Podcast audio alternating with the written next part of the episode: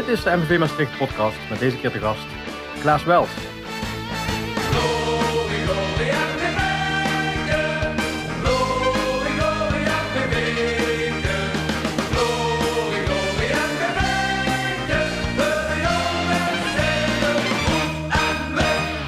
Welkom bij een nieuwe aflevering van de MVV Maastricht podcast. Mijn naam is Stefan Giebels. Vandaag in onze studio tegenover ons onze nieuwe trainer Klaas Wels. Leuk dat je er bent, eh, Klaas. Stefan, dankjewel. Ik vind het heel uh, aangenaam om hier te mogen zijn. Mooi. Waarom heb jij ja gezegd tegen de uitdaging bij MVV Maastricht? Ik heb ja gezegd tegen de uitdaging uh, van de MVV Maastricht. Nadat ik eerst de vraag gesteld had van... Uh, goh, ik kreeg een telefoontje van Erik Noor op vrijdag 14 mei. Twee dagen na de laatste competitiewedstrijd. En ik was verrast. En ik was met name verrast vanwege het feit dat ik weet dat de trainer nog een doorlopend contract had. Dus de eerste vraag die ik stelde van... Goh, wat is er aan de hand? Is de trainer op de hoogte? En uh, sta ik vrij om te praten. Want ik wil niet uh, uh, dat, dat, dat er gesproken wordt over een trainerspositie. Terwijl daar nog iemand zit. Dat was allemaal duidelijk, dat was allemaal helder. Ik heb de rijen zelf gesproken. dat was geen probleem. Dus wat dat betreft was er voor mij geen beletsel om te praten. Toen hebben we op zaterdag afgesproken in Sertogenbos. Hebben daar een twee uur lang durend gesprek gevoerd. Over voetbal, maar ook over andere zaken. en uiteindelijk is daar een aanbieding uit voortgekomen. Die uh, waar heel veel vertrouwen uitsprak richting mij. Uh, een tweejarige verbindenis. Maar daarnaast was ook het verhaal met uh, de ambitie. En dan, dan weet jij altijd wel hoe dat al gaat met ambitie.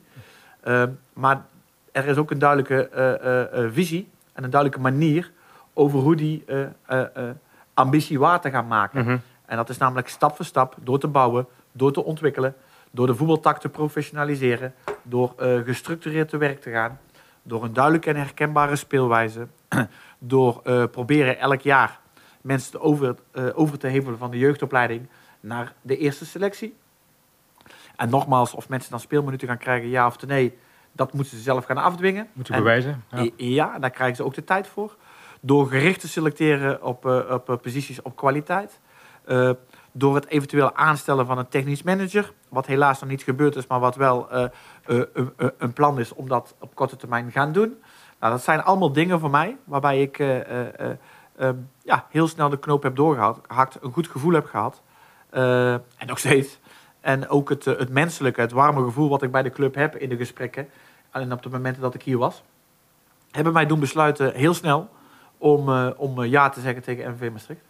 En wat wist jij verder al van, van de club? Ga je dan inlezen of, of ga je dan puur op je gevoel af? Hoe, hoe gaat dat? Beide. Ik ben een, een persoon die uh, historische feiten opslaat. MBV is een club met een rijke historie. ik vind het een grote club. Ik vind het een bijzonder mooie stad, Maastricht. MBV heeft de laatste jaren helaas niet de sportieve ambities kunnen waarmaken zoals men voor ogen had. Uh, de toeschouwersaantallen zijn, uh, ondanks het feit dus dat wat we net constateren, dat de play-offs helaas niet gehaald zijn de laatste jaren, zijn de toeschouwers toch altijd rond de 3.500. Dus op het moment dat het nog beter gaat lopen en, en, en er meer resultaat gehaald gaat worden, ben ik ervan overtuigd dat dat richting de 4.000, 4.500 zal gaan. Mm -hmm. En wellicht nog meer. nou ja, dus, dus allemaal ingrediënten die het voor mij zeer aantrekkelijk maken om bij deze club aan de slag te gaan. En ik sta te popelen. Mooi. Je bent nu drie weken ongeveer aan de slag. Wat zijn je eerste ervaringen, eerste gevoelens? Uh, nogmaals, warme gevoelens. Uh, drie weken aan de slag is een groot woord. Uh, ik heb het eerste weekje, met name tijdens mijn bekendmaking, met, een, met lichte verschijnselen van corona helaas op bed gelegen. En vorige week is er in de privésfeer iets vervelends gebeurd, waardoor ik alles een weekje heb moeten opschuiven. Dus, uh, maar met name ook uh, vorige week reacties vanuit de mensen die werkzaam zijn bij MBV. Mm -hmm. En die ervan op de hoogte waren. Dat, uh, dat geeft aan wat voor warme club het is. En wat voor sociale en warme mensen het zijn. En dat is een belangrijk aspect ook wat ik probeer uit te dragen als trainer-coach zijnde. een speler moet kwaliteiten bezitten. Een speler moet uitvoeren wat er gevraagd wordt. Een speler moet de bereidheid hebben om maximaal te leven voor de club. Nou goed, daar moet ik hem handvaten voor geven. En daar moet ik een speler in zien te faciliteren. Excuus. Uh, maar daarnaast is de speler ook gewoon een mens. En uh, elk mens heeft het recht om een keer een mindere prestaties op de mat te leggen. Want we zijn geen machine. Nee. En uh, als een speler dan in staat is om mentaal overeind te blijven. Als een speler dan in staat is om gewoon zijn taak uit te voeren. ja, dan, dan ben je als, voor mij als speler en als mens gewoon heel veel waard. En ik vind dat ook een belangrijk item om zo met mijn spelers en met mijn staf en met de mensen eh, op de club om te gaan. Een goede wisselwerking, een goede eh, werksfeer. En uiteindelijk moeten we prestaties leveren. Maar ik denk dat eh, eh, dat een zeer belangrijke bijdrage kan leveren aan uiteindelijk het leveren van die prestaties. Ja, ik, ik, even daarop voortbordurend. Ik las een interview met, of een verhaal met Mart Reemans. Die roemde jou vanwege vooral het persoonlijke contact. Hè. De ene keer een arm om de schouder, de andere keer een schop onder de kont. Klaas weet precies wanneer een speler wat nodig heeft. Hoe weet jij dat? Is dat een gevoel? Is dat, is dat ervaring? Waar, waar komt dat vandaan? Een combinatie van. Ik ben zelf speler geweest. Eén jaar profvoetballer en de rest eh, op hoog amateurniveau. Uh, ik heb in de laatste jaren, eh, eh, eh, voordat ik hoofdtrainer werd bij Topos, een zestal hoofdtrainers meegemaakt. Nou, dat is voor mij ideaal geweest in mijn ontwikkeling. Want dat is namelijk veel beter dan dat je in eh, zes jaar tijd één hoofdtrainer krijgt. Mhm. Ik heb nu namelijk van zes hoofdtrainers eh, eh, kunnen zien en kunnen ervaren hoe dat die eh, te werk gingen. En daar heb ik goede dingen van overgenomen. En daar heb ik eh, eh, dingen van overgenomen of tot me genomen waarvan ik denk... dat zou je misschien iets anders kunnen aanpakken. Waardoor je een speler beter kunt bereiken. Eh, je probeert ook te reflecteren. hoe, eh, hoe zou je zelf het liefst benaderd willen worden? En er is bij mij één stelregel. Als een speler stopt met lopen, dan heeft hij een dik probleem. Als een speler de afspraken die wij maken niet nakomen, dan heeft hij een dik probleem. Want dan verzaakt hij. Dan laat hij zijn overige teamploeggenoten in de steek. Dan laat hij de staf in de steek. Dan laat hij eh, supporters, sponsoren en iedereen die MBV een warm hart toedraagt, die laat hij vallen. En dat is bij de trainer Klaas wel eens onmogelijk. Dan krijg je van mij de volle laag. Ehm, op het moment dat je geen normaal gedrag kunt vertonen, dan ben ik allergisch voor. Eh, eh, niet eh, met open armen staan en alle felicitaties in ontvangst willen nemen als je drie keer schoort. Nee, juist de grote kerel zijn. Sorry. Geen probleem. Juist de grote kerel zijn op het moment dat ik je een keer in de rust eraf haal of na 60 minuten. Ja. En dan niet allemaal met gebaartjes richting publiek eh, eh, eh, aantonen van kijk mij eens en wat gebeurt mij. En ik behoud me namelijk het recht voor om in te grijpen in het belang van MBV. En dat is wat ik doe als Ja. trainer-coach zijn. Ik grijp in, ik neem mijn maatregelen, ik neem mijn beslissingen met één doel, het beste voor MVV. De eerlijkheid gebied te zeggen dat na de wedstrijd eh, ik wel eens tot de conclusie kom dat dat niet altijd goed gelukt is. maar aan de voorkant is het de insteek Is dat de het beste doen Ja. voor de club. Dus in dit geval voor MVV. En eh, eh, nou ja, dan, dan heb ik het recht als trainer-coach zijnde om eh, wel overwogen beslissingen te nemen en om spelers te wisselen. Ja. En als een speler dan ook weet, als hij het vertrouwen voelt, dat hij de week erop weer gewoon van de partij is. Nou ja, goed, dan, dan denk ik dat je ook een, een open eh, werkrelatie hebt. En dat is heel belangrijk. En ik, eh, ik vind de woorden van Mart mooi. Eh, en hij heeft het inderdaad aan de lijve ondervonden. Dat ik eh, inderdaad een arm om de schouder sla. En, maar ook dat ik hem een keer een veeg uit de pan heb gegeven. Desalniettemin weet hij wat, wat hij aan me had en wat hij aan me heeft. Ik ben open, ik ben eerlijk, ik ben duidelijk. En dat kan soms hard zijn en heel direct. Maar de insteek is alleen maar om beter te worden. Ja. Om te presteren, om te functioneren. En dat is waar ik voor betaald word. En dat is waar ik als trainer-coach voor sta. Inmiddels is, er een nationale discussie, hè? 4-3-3 of 5-3-2. Je hebt ze bij Top Oost allebei gespeeld, de systemen, las ik in, eh, in een ander artikel. Wat heeft jouw voorkeur? Niet voor het Nederlands elftal, zover ben je nog niet, maar eh, voor, laten we met de MVV beginnen. Mijn voorkeur eh, geniet 4-3, omdat dat het meest herkenbaar is voor spelers, het meest herkenbaar is voor het publiek. En ook het, het meest gemakkelijke systeem is om in te spelen. Ehm, ik wil wel even van de gelegenheid gebruik maken waarom ik op een gegeven moment 3-5-2, 5-3-2 ben gaan spelen. In maart 2017 nam ik het eh, stokje over van onze toenmalige hoofdtrainer. Na 30 wedstrijden in de competitie. En toen hadden wij eh, 84 de- tegendoelpunten. Dus als jij 84 tegendoelpunten hebt in 30 wedstrijden, ik rond het even af naar boven, naar 90, dan krijg je er bijna drie gemiddeld tegen. Dan moet je er zelf vier maken, wil je winnen. Zie je dat het heel simpel is? Ja, En weet jij dat het onmogelijk is om elke wedstrijd vier goals te maken? dat is vrijwel onmogelijk, ja. Oké, dus je gaat nooit een wedstrijd winnen. Dus ik heb ervoor gekozen om eh, eh, een extra verdediger op te stellen. waarbij ik altijd het eh, Juventus en het Eintracht Frankfurt in die tijd voor ogen heb gehouden. Eh, zonder bal vijf man. Maar met bal waren die linker en die rechter vleugelverdediger. Die werden linker en rechter middenvelder. Sterker nog, die werden linker en rechter vleugelaanvaller. Mhm. Want alleen maar tegenhouden, dan verlies je niet meer met 3-0. Dan verlies je met 1-0. Ja. Is nog steeds 0 punten. Maar je moet in de wedstrijd blijven. En ik heb, uiteindelijk hebben wij wedstrijden gespeeld waarin het voorkwam dat de linksback de voorzet gaf en de rechtsback scoorde. Ehm, nou, daar zijn we succesvol mee geweest. Eén jaar hebben we daarbij bijna play-offs gehaald. En het andere jaar hebben we daar met vlag en wimpel play-offs mee gehaald. Mhm. dat is knap voor een club als Top Os Absoluut. En met name in dat tweede jaar hebben we ook gewoon heel goed voetbal op de mat gelegd. um, vraagt wel heel veel van spelers, tactisch. En ehm, nou ja, met name het afgelopen seizoen had ik een jongere groep. die de eerste stapjes en de eerste schreden in het betaald voetbal zetten. En die waren tactisch nog niet zo ver dat ze die 3-5-2, 5-3-2 konden invullen. Dus ik heb ervoor gekozen om 4-3-3 te gaan spelen. Wat uh, uh, bij de meeste spelers bekend is, waarin mm -hmm. ze opgeleid zijn. En om ze daarin meer houvast te geven. Uh, het gaf ons ook wel de mogelijkheid om sneller en eerder druk vooruit te zetten. Dan dat in een 5-3-2, 3-5-2 het geval is. Echter, op het moment dat wij dit seizoen bijvoorbeeld na 80 minuten met 1-0 voor stonden. Ja, dan schroomde ik niet om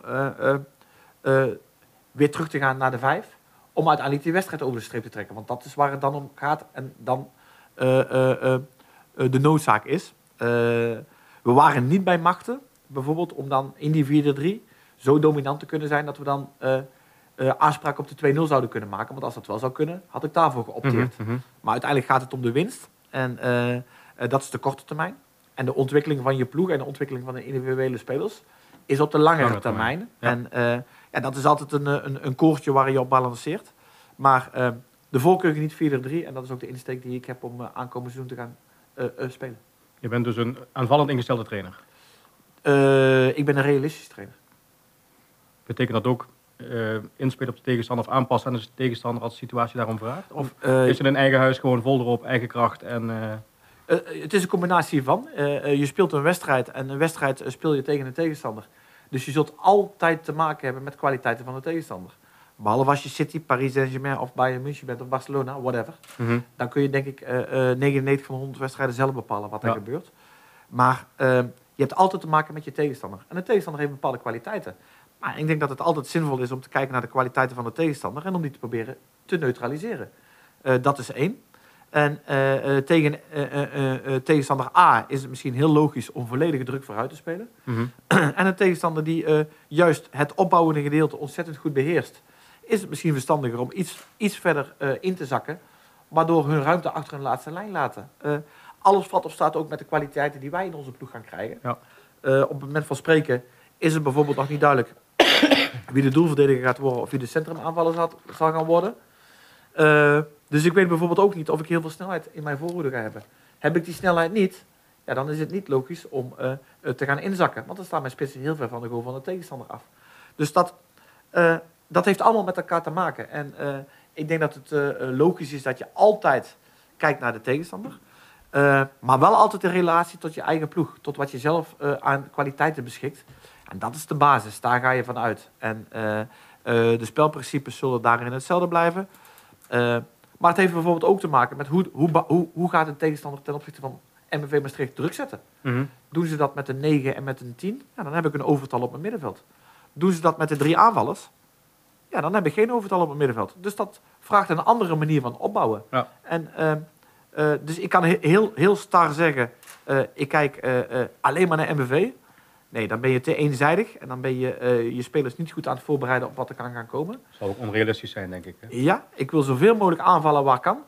Uh, uh, maar ja, de tegenstander zal ook wel eens een keer de bal hebben. En wellicht worden wij iets verder teruggedrongen dan dat we zelf zouden willen. Maar dan moeten wij ontzettend goed verdedigen. En dan moeten we vanuit de omschakeling proberen zo snel mogelijk weer tot aanvallen te komen. dus ik ben een realistische trainer. Mm -hmm. die graag voetbal wil zien. Maar op het moment dat de opbouw bijvoorbeeld onmogelijk is dan hoop ik niet dat wij uh, uh, lijden aan een Nederlandse uh, kwaal. Door dan op te bouwen om op te bouwen. En onszelf in de problemen te brengen. Nee, dan hoop ik dat we volwassenen meer volwassen keuzes maken. En realistische keuzes maken. En de bal te verleggen naar de tweede speelhelft. En te gaan voor de tweede bal. Ja. En is dat altijd wat de fijnproeven wil zien? Nee. Maar goed, het gaat erom dat MVV succesvol is. En, Mhm. en mijn taak is daarin de speelwijze en de strategie aan te passen op het moment dat het nodig is. Uh, wat, wat gaat leiden en wat kan er gaan leiden tot het meeste succes? Ja, je had het al even over spelers. Hè. Uh, nog geen doelverdediger, geen uh, diepe aanvaller. Geen technisch manager, haal die ook al even aan. Ehm, toch is dat natuurlijk een cruciale vraag nu ook voor heel veel luisteraars. Van hoe gaat die selectie eruit zien? Kun je ons ons meenemen in zo'n proces? Hoe gaat dat? Bepaal je dat zelf? Uh, heb je daar een, uh, hou je daar een schriftje voorbij van welke spelers wil ik hebben? Hoe, hoe gaat zoiets? Ik, ik ben tegenwoordig wel dusdanig voorbereid dat ik een schriftje heb, inderdaad, letterlijk en een pen. en dat ik alles noteer en alles opschrijf. Ehm, waarom? Tweeledig. Dit is voor mij een nieuwe club. waarbij de selectie voor een gedeelte staat en voor een groot gedeelte nog niet staat. Eh, het is een nieuwe club in een nieuwe omgeving. Eh, de spelers die eh, bij mijn vorige club interessant waren voor mij, ook qua afstand bijvoorbeeld, ja, die kunnen nu een stukje minder interessant zijn. Omdat een jongen die uit Utrecht komt, ja, die kan in drie kwartier in Os zijn. Mm ja, naar MBV toe is het een stukje verder. Dus ik word benaderd, ik word gebeld door heel veel zaakwaarnemers. die bieden mij spelers aan. Nou, dan kijk ik, ik noteer alles. Alles per positie en welke zaakwaarnemer eraan gekoppeld zit. Daar maak ik een uh, inventarisatie van. Heb ik zo meteen een, een, een opstellingblad waar ik uh, op elke positie een x aantal namen heb staan. Nou, dan ga ik kijken of ik dat kwalitatief voldoende vind. In, in relatie tot het gewenste niveau. Maar ook in relatie tot welk prijskaartje daaraan mm hangt. Nou, zo ga ik te werk. Binnen NBV zijn er voldoende mensen in mijn staf. En de hoofdopleidingen en de directeur met, met hun netwerk met eh, eh, bekende spelers, met eh, een netwerk. En via Wijscout en Instat Scout kun je de beelden van de spelers nakijken. Je wordt getipt. Nou, uiteindelijk gaan we daar met z'n allen een ei overleggen. En ehm, ja, gaan we kijken welke speler waar terecht zou komen. Nou, er zijn een aantal contracten die zijn vergeven. Nou, prima. Er zijn een aantal jeugdspelers vanuit de Academy overgeheveld. Mhm. Uitstekend. Die krijgen de mogelijkheid en de kans en de tijd om zich te ontwikkelen en te bewijzen. En wat dat op zich ben ik simpel. Uh, leeftijd speelt geen rol. Contract speelt geen rol. De beste speelt. In mijn ogen de beste speelt. En daar mag je van mening over verschillen met mij. Maar of iemand de duurste is en de oudste, of de goedkoopste en de jongste, zal mij echt niet interesseren. Het gaat mij om MVV. Um, ehm, er zullen spelers zijn die al behoorlijk wat jaar uh, in de keukenkampioen-divisie uh, gespeeld hebben en hun sporen en hun strepen daarin verdiend hebben. Nou, die zullen op contractbasis uh, gaan komen. Er zullen ook spelers bij zijn die eh, eh, hun carrière een nieuw leven willen gaan inblazen. Omdat het elders eh, niet zo gegaan is zoals het gegaan zou moeten zijn. Nou, dat zou je je kunnen voorstellen dat er spelers zijn op amateurbasis. of, een, of een minimaal contract. Mhm. er zijn spelers die wellicht aan het einde van de transferwindow, richting het einde van augustus, bij hun eigen club buiten de boot vallen. En wellicht bij MVV dan door middel van een huur, verhuur hier gestationeerd worden en hier een toegevoegde waarde kunnen zijn. nou, dat, dat is in grote lijnen hoe de samenstelling van zo'n selectie plaats gaat vinden. En linksom een dure speler, ja, dan zal er aan de rechterkant een, een iets minder dure speler of zelfs een goedkopere speler de selectie gaan invullen. Ik zeg niet opvullen, nee, gaan invullen. Nogmaals, kwaliteit is leidend en uh, kwaliteit gaat spelen. En uh, dat moet in elkaar vallen. Nou, dat, dat heeft tijd nodig. En uh, dat heeft arbeid nodig op het veld. En dat heeft arbeid nodig buiten het veld. Ja. Om, om nader tot elkaar te komen. En ja, zo gaat zo'n vorming op dit moment in elkaar. En wat, wat wel als een paal boven water staat, wat mij betreft, is dat, dat we er naartoe moeten. in de samenstelling van de selectie twee dingen. Alleen maar spelers die echt voor MBV willen spelen. Mm -hmm. Die echt een volledige bereidheid hebben om onder mij te spelen, te trainen, te werken en bij deze mooie club. Dat is één. en ja, uh, want jij zegt net, uh, een doelverdediger is er nog niet en een centrumaanvaller nog niet en een technisch manager is er nog niet. Ik bedoel dat niet negatief, ik bedoel alleen maar aan te geven dat dat de huidige situatie is en dat de club daar... Zijn de feiten. Ja, ja dat, dat, feitelijk, dat zijn inderdaad de feiten en dat de club naast zich op zoek is naar, naar kwaliteit om die posities in te gaan vullen. Dus er is al heel veel wel. En er is duidelijk visie en een manier van werken. En hoe we proberen om de voetbaltak te gaan professionaliseren. Dus dat is, een, dat is een enorme pre en dat is een enorm pluspunt. Omdat ik gemerkt heb dat dat lang niet altijd zo het geval is. Nou wou ik ergens naartoe en dan weet ik even niet meer waar. dat is wel heel leuk natuurlijk weer.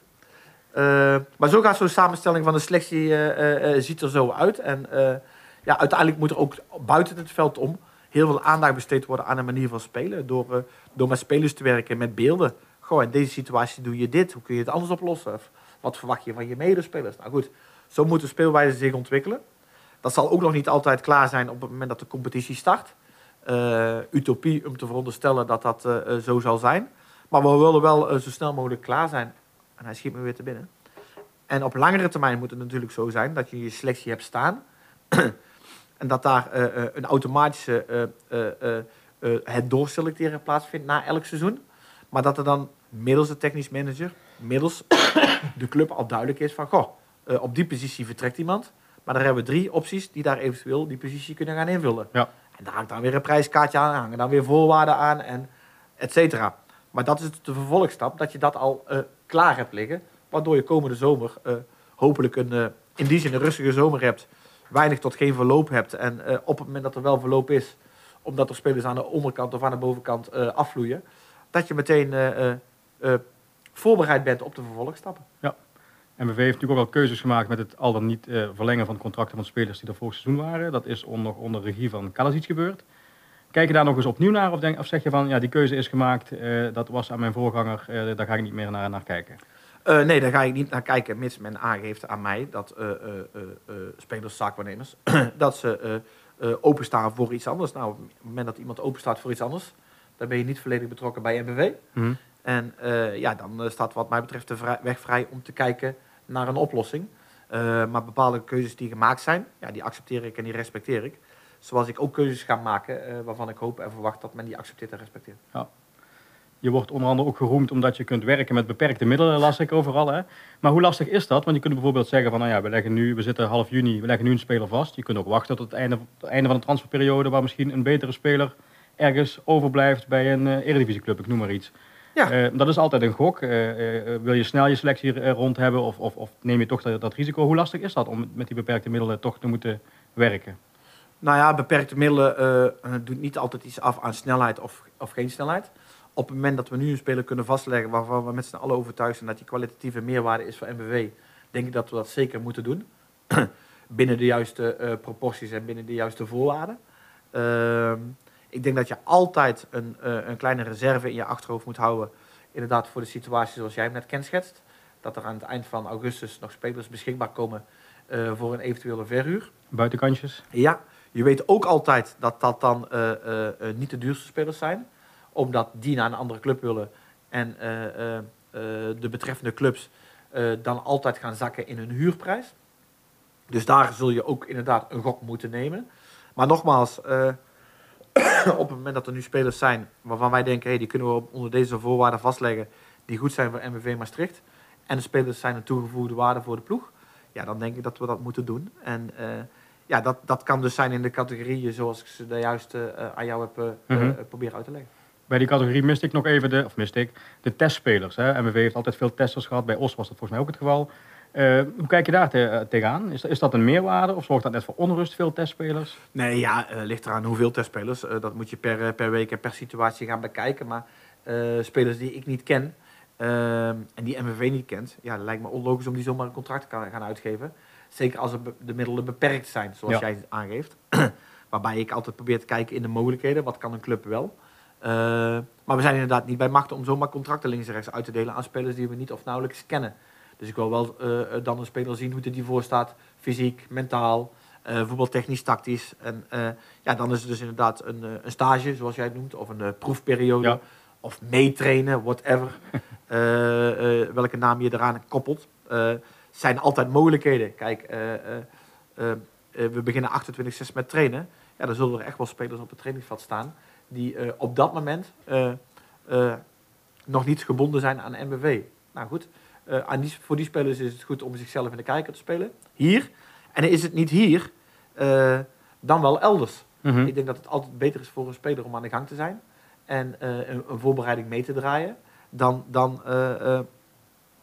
thuis te zitten wachten tot er eventueel een telefoontje komt Tuurlijk. en dan op te draven. Ja. Dus nee, er is een mogelijkheid voor spelers. Maar nogmaals, dat ga ik op het moment dat ik geïnventariseerd heb wat we aan boord hebben, wat we in huis hebben gaan we kijken uh, naar de aantallen. Gaan we kijken uh, hoeveel mensen we op dat moment kunnen uitnodigen. Ja, en daar zal dan wel een verloop in plaatsvinden. Uh, jongens die bevallen, jongens die minder bevallen. Ja, knopen door op een gegeven moment. Ja, ja. en dan, dan kan dat ook weer aangevuld gaan worden met andere stagespelers. Ik heb ooit meegemaakt dat, eh, dat een jongen vier weken meetrainde. En dat uiteindelijk eh, eh, er met de club niet uitkwam. Nou goed, eh, eh, ja, dat kan ook. En dan is die van de ene op de andere dag is die weg. Eh, eh, no hard feelings, geen probleem. Iedereen eh, gaat op dat moment voor zijn eigen kansen en voor zijn eigen mogelijkheden. Als het eh, gebeurt met een open, duidelijk, eh, eerlijk vizier en verhaal, kan ik alles accepteren en respecteren. En ja, uiteindelijk ga je weer door. Er zijn natuurlijk heel veel spelers op de markt. Hè? Transfervrij, huurspelers, hebben we het al even over gehad. Eh, ik neem aan dat je al hier en daar aan het oriënteren bent, misschien gesprekken bent aan het voeren. Hoe reageren spelers op, op, op jouw verhaal, op het verhaal van de club MVV Maastricht? Ehm, inderdaad, ik ben eh, met, eh, met spelers aan het eh, praten. Ik ben met zaakwaarnemers aan het praten. Het gaat spelers om de manier van spelen. Het gaat spelers om de club. en de zaakwaarnemers die komen daar uiteindelijk om de hoek. Randvoorwaardelijk, salaris, condities, et cetera. Huisvesting, noem maar op. maar het verhaal wat ik heb is vaak duidelijk, is open. Straalt enthousiasme uit, straalt passie uit. Geeft aan dat ik op een duidelijke manier en gestructureerde manier werk. Dat ik weet waar ik naartoe wil, maar met name ook hoe ik daar naartoe wil. En eh, wat voor type spelers ik, eh, eh, ik nodig heb. En eh, ja, dat wordt vaak eh, positief en enthousiast begroet. Nou, daar ben ik blij om. Dat, dat geeft aan dat mijn verhaal overkomt en beklijft. Echter, aan het eind van het liedje ja, gaat het ook om het salaris, gaat het ook om de voorwaarden. En ja, daar, daar ga ik niet over. Daar gaat uiteindelijk de directeur over, die het grotere geheel eh, daarin moet overzien. En ook daarvoor kan ik respect opbrengen als een speler ergens anders beduidend meer kan verdienen, of als de voorwaarden elders voor een speler beter zijn. Eh, of dat de beste keuze is voor een speler, eh, dat is dan de andere kant. Want op korte termijn kun je meer verdienen. Maar als je niet aan spelen toekomt, dan heb je twee jaar lang meer verdiend. Maar als je vervolgens clubloos bent en blijft, ja, dan is dat twee jaar extra verdienen is snel verdampt. Hier twee jaar spelen om vervolgens een vervolgstap te maken, waarbij je misschien wel vier keer meer verdient. Ik noem maar iets. Ja, ja. En je carrière eh, een veel langere eh, duur krijgt en naar een grotere hoogte gaat, is misschien veel meer waard. Alleen, dat zijn keuzes die iedereen. Maar- zelf maakt. En ik, ik kan niet voor iemand anders beslissen. Ik kan alleen maar aangeven wat ik wil, hoe ik werk, wat voor persoon ik ben, wat ik van mijn spelers verwacht. En ja, daarin wordt wel vaak positief gereageerd. Dus daar ben ik blij mee. Ja, mooi. Eh, je hebt voor twee jaar getekend. Wa- Wanneer is Klaas Wels tevreden aan het einde van volgend seizoen? Aan het einde van volgend seizoen of aan het einde van die twee jaar? Ja, dat- laten we ze allebei bekijken. Eerst even aan het einde van dit seizoen, of het komend seizoen en daarna na twee jaar. Als we stappen hebben gezet eh, in de eh, professionalisering van de voetbaltak. Als we een, een strijdbaar en competitief eh, 90% van de wedstrijden hebben kunnen zien. En als we mensen positief verrast hebben met ons spel en met de positie op de ranglijst. En eh, er een eh, eh, uitstekende wisselwerking is tussen alle geledingen binnen de club. spelers onderling, spelers en staf, spelers en kantoor, directie, sponsoren en met name ook supporters. Dat is na jaar 1 zou dat een mooie, mooie doelstelling zijn. Want als we iedereen verrassen, dan staan we hoger dan dat mensen ons aan de voorkant hebben ingeschat. En na twee jaar, in het tweede jaar moeten we dat plussen, moeten we dat verbeteren. En als er vanuit de club en alle geledingen binnen de club dan eh, eh, met mij geëvalueerd wordt en aangegeven wordt dat men dan na- daarna nog graag met mij verder zou willen gaan, ja, dan denk ik dat ik op de goede weg ben. Nou, dank voor je openhartige antwoorden. Dat was weer de laatste vraag. Dank voor je komst ook. Leuk dat we je beter hebben mogen leren kennen. Eh, tegen de luisteraars zeg ik, leuk dat je weer van de partij was. We hopen jullie natuurlijk een volgende keer weer op deze plek te mogen ontmoeten. En tot die tijd zeggen wij, blijf gezond en tot snel in de geus.